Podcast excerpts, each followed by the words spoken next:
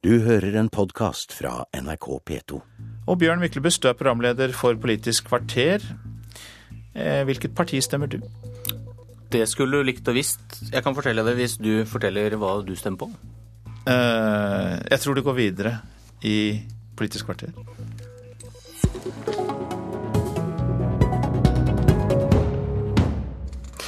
Mimir Kristiansson, politisk journalist i Klassekampen og tidligere Rødt-politiker. Du er kanskje en av få journalister som tør å si hvilken side i politikken du holder med? Jeg tror ikke noen tvil om at jeg er venstrevidd, i alle fall. Det tror jeg nok eh, er ganske åpenbart. I går la professor Frank Aarebrot fram sin årlige undersøkelse av journalistenes politiske ståsted.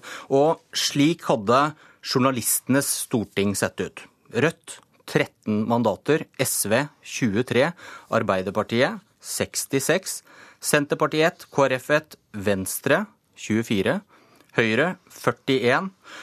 Og Øyvind Korsberg, du hadde ikke vært stortingsrepresentant hvis det bare var journalister som hadde stemmerett. Fremskrittspartiet ingen mandater. Ja, det stemmer det ut ifra den undersøkelsen. og det er vel for så vidt ikke så overraskelse. Det føyer seg vel bare inn i den trenden som har, som har vært over, over, mange år. Hadde Frp hatt større oppslutning hvis journalister hadde vært mer lik befolkningen? Et vanskelig spørsmål å svare ja og nei på. Det jeg har registrert at media er opptatt av, det er at det er mangfold i media. Både når det gjelder radio, TV og, og avis. Og da syns jeg det er veldig synd at det ikke er det samme mangfoldet når det gjelder uh, journalistene og, og, og deres uh, partipreferanse, for, for, å si det på, på den måten. Men uh, jeg skjønner at det, det, blir sånn, fordi at media er jo oversubsidiert av staten med over 5 milliarder når du tar NRK-lisensen og du tar også pressestøtten. Og Da blir det vel litt at man ønsker å forsvare gullkua og ikke nødvendigvis velge seg en journalistisk karriere der man er avhengig av subsidier. Er norske journalister snillere med f.eks. SV enn med Fremskrittspartiet? Ja, det har jo også gått klart frem av undersøkelser som er gjort. Spesielt når det gjelder NRK, så kommer jo Arbeiderpartiet mye billigere unna valgkampsendingen enn f.eks. Fremskrittspartiet. Det er jo dokumentert gjennom ulike undersøkelser. Så det er klart at det, det gjenspeiler jo det produktet som journalistene sender ut til, til folket. Så det, det tror jeg ikke det er noe tvil om. Kristiansson, hadde Frp hatt større oppslutning hvis journalister hadde vært mer lik befolkningen? Nei, det tror jeg ikke. Og det tror jeg rett og slett er fordi at en del av det som gjør at Frp har stor oppslutning, nemlig at de er et parti for folk flest og ikke for kultureliter, deriblant journalister, det ville kanskje blitt ødelagt hvis Frp ble behandla bedre i mediene. Jeg tror at det viktigste vi kan lese ut av disse tallene, er jo at ikke at Altså det er klart at journalister står til venstre for sentrum, men det viktigste er jo at de lavutdanningspartiene, Senterpartiet, KrF og, og Frp, de er helt utradert. Mens partier som Rødt, SV og Venstre, som er høyutdanningspartier for den urbane middelklassen, de er godt representert. Sånn at jeg tror vi i større grad har å gjøre med det som man i USA ville kalt liberal media, som Fox News vil enda kalle det, enn vi har å gjøre med noe sånn blodrød kommunistmedia. Og så bare til det Korsberg sier, så jeg er helt enig i at, at, Frp er det partiet som får hardest medfart i mediene. Jeg må si at det er hyggelig å få snakke med en ekte Frp-er. De møter ikke jeg mange av i min, mine kollegastand. Men samtidig så, så, er det sånn at også SV har fått ekstremt hard medfart i mediene, mens f.eks. Høyre har blitt rosa fullstendig opp i skyene. sånn at det bildet er nok litt mer blanda, og jeg tror vi har en ganske sentrumsorientert journalistene i Norge, men som lener seg på venstre fot, der man er venstre særlig i verdispørsmål, men ikke særlig venstre nødvendigvis i økonomiske spørsmål. Korsberg, liberale media mer enn venstrevridde media, kjøper du den?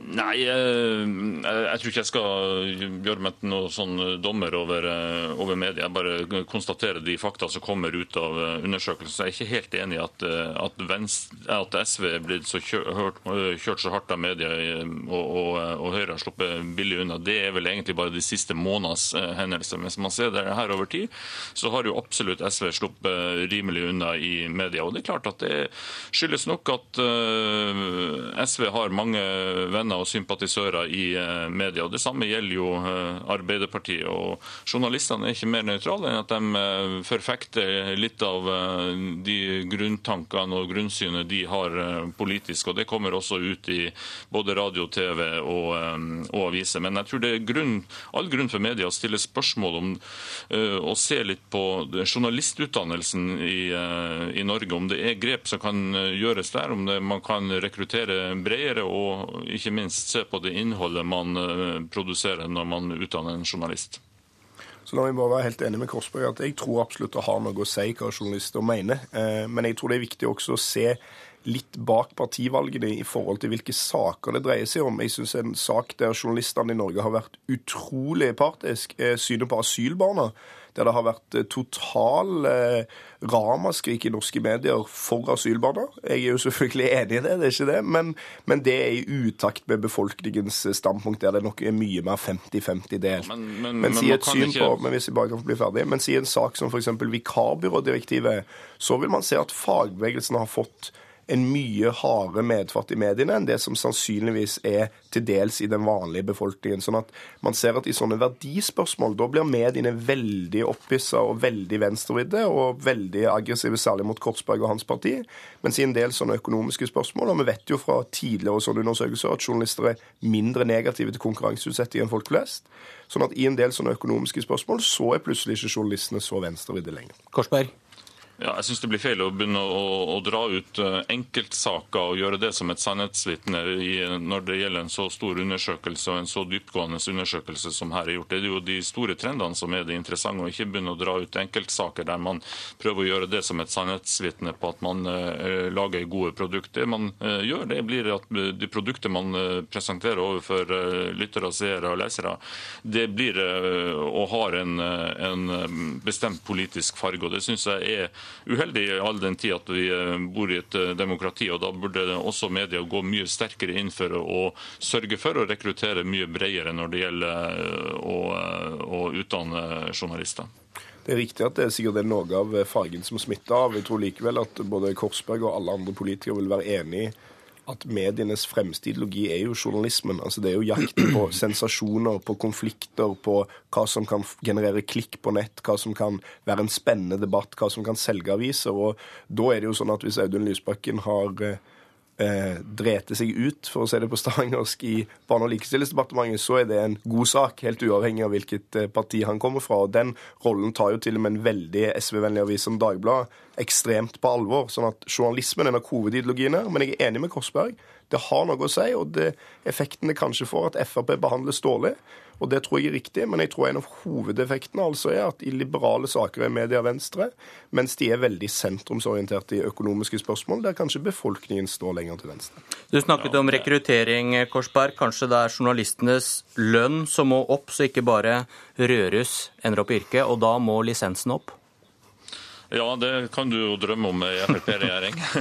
Den kommer nok ikke til å eh, gå opp. Nei, jeg tror det er en eh, stor utfordring at eh, mediebransjen er så subsidiert som, som, den er. og Det vil nok også være med å farge det journalistiske produktet. Og så er det jo ikke tvil om, og det er gjort mange undersøkelser, det ble jo lagt fram bl.a. under Skop-konferansen, at Fremskrittspartiet er det partiet som får hårets medfart i alle typer saker. og Det er jo ikke en overraskelse for å, for å si det forsiktig, vi som har jobba med dette partiet i, i mange, mange år.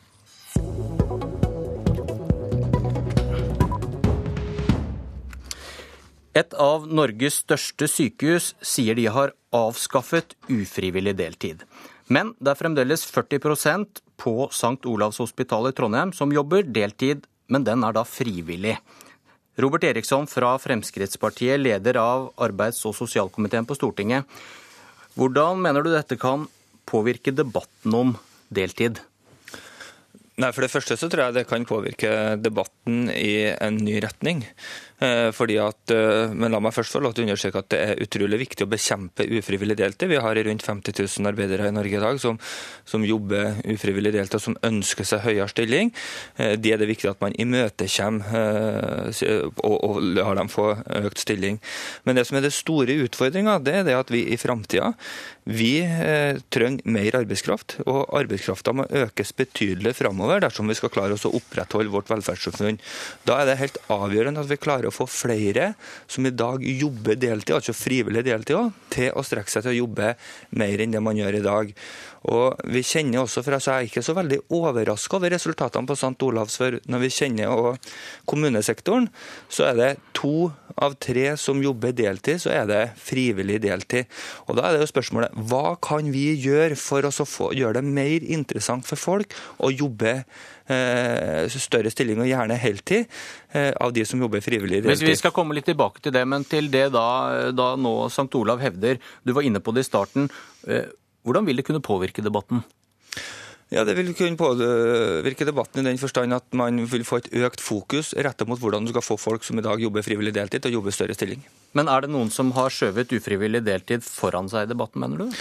Jeg tror nok at ufrivillig deltid har fått en overdimensjonert fokus både fra media og fra oss politikere og fra fagbevegelse. Eh, og så har man kanskje glemt den viktigste debatten, hvordan skal vi klare oss å få til et fleksibelt arbeidsliv. Og Der er jo Sykepleierforbundet totalt låst. Hører man begrepet fleksibelt arbeidsliv, og arbeidstidsbestemmelser og sånne ting, så trykker man på håndbrekket med en gang, i stedet for å finne ut hva kan vi gjøre for å skape større interesse rundt vårt yrke og gjøre det mer enklere og bedre for folk å jobbe mer i vårt yrke. Vi kan spørre leder i Sykepleierforbundet, Eli Gunhild By. Har du hånda på brekket nå? Eh, vi har ikke hånda på brekket. Vi er, eh, snakker om deltid, heltid, eh, absolutt hele tida, og det er en av de viktigste sakene som vi jobber med. Jeg har lyst til å si noen ting knytta til denne undersøkelsen, eller det som blir sagt fra St. Olavs hospital.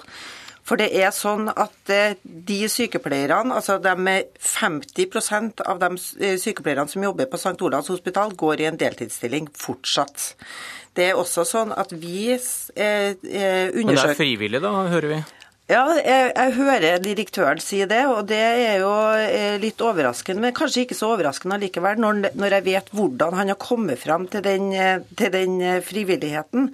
Det handler om at de har hatt en spørreundersøkelse og så handler det om eh, hvilke forutsetninger var det i den spørreundersøkelsen. Da er det sånn at de som går i sine faste stillinger på sin arbeidsplass, på sin sengepost, de har da fått tilbudet om å øke stillingsandelen sin hvis de går inn i et bemanningssenter og tar vakter på andre sengeposter. Mange av mine medlemmer syns at det er en dårlig tilbud i forhold til at de har valgt å jobbe på en sengepost der de kan øke kompetansen sin, der de kan faget sitt i forhold til den pasientgruppa. Og da tror jeg at eh, frivilligheten i forhold til det å eh, både gå flere ubekvemme vakter i form av kveldsvakter, nattevakter og, og, jobbe mer i helga, det er også en av de forutsetningene som har vært i forhold til det å øke stillingsbrøken sin. Og da vet jeg det, at det er såpass dårlig bemanning på mange av disse sengepostene på St. Olavs hospital, at de heller velger å ta ekstravakter på den sengeposten de er kjent. E- Eriksson, er det at sykepleierne sier nei til 100 stilling fordi da må de jobbe flere steder, et bevis på den manglende fleksibiliteten du frykter? Ja, Det kan være et bevis på det. Og så er det jo litt sånn at eh, jeg tror at hvis man har sett seg ned sammen med de ansatte og arbeidsgiveren om det ulike sykehus, altså hvis man har gjort det på alle sykehus i, i Norge, eh, og, og, sett på hvordan kan vi få til mest mulig det jeg kaller drømmeturnuser, eller fleksible turnuser, som gjør at hverdagen vår skårer opp i forhold til, til familieliv, i forhold til unger, i forhold til jobb. Eh, ja, så, så, så, tror jeg vi kunne fått Og det er den type fleksibilitet jeg savner litt fra Sykepleierforbundet. Så blir vi å ta den debatten. Eh, og en del forsøk som det er gjort på, så har man jo fått flere heltidsstillinger. Man har fått mer fornøyde ansatte, og man har fått bedre løsninger for pasientene. De Da har jeg lyst til å si det, at en av de tingene som er aller viktigst for oss, som vi prøver å få både politikere og arbeidsgivere til å forstå, det er at hvis man går inn og ser på bemanningsplaner og ser på eh, hvordan bemanninga er satt sammen, eh, og, og, og, kan løse det gjennom å f.eks. ha økt grunnbemanning i forhold til de pasientene som man faktisk eh, behandler der, så vet okay. vi at vi har eksempler på at sykefraværet går ned, trivselen øker og pasientsikkerheten øker. Ok, der... Eh, Eli Gunnhild By og Robert Eriksson, Politisk kvarter er faktisk slutt. Jeg heter Bjørn Myklebust. Du har hørt en podkast fra NRK P2.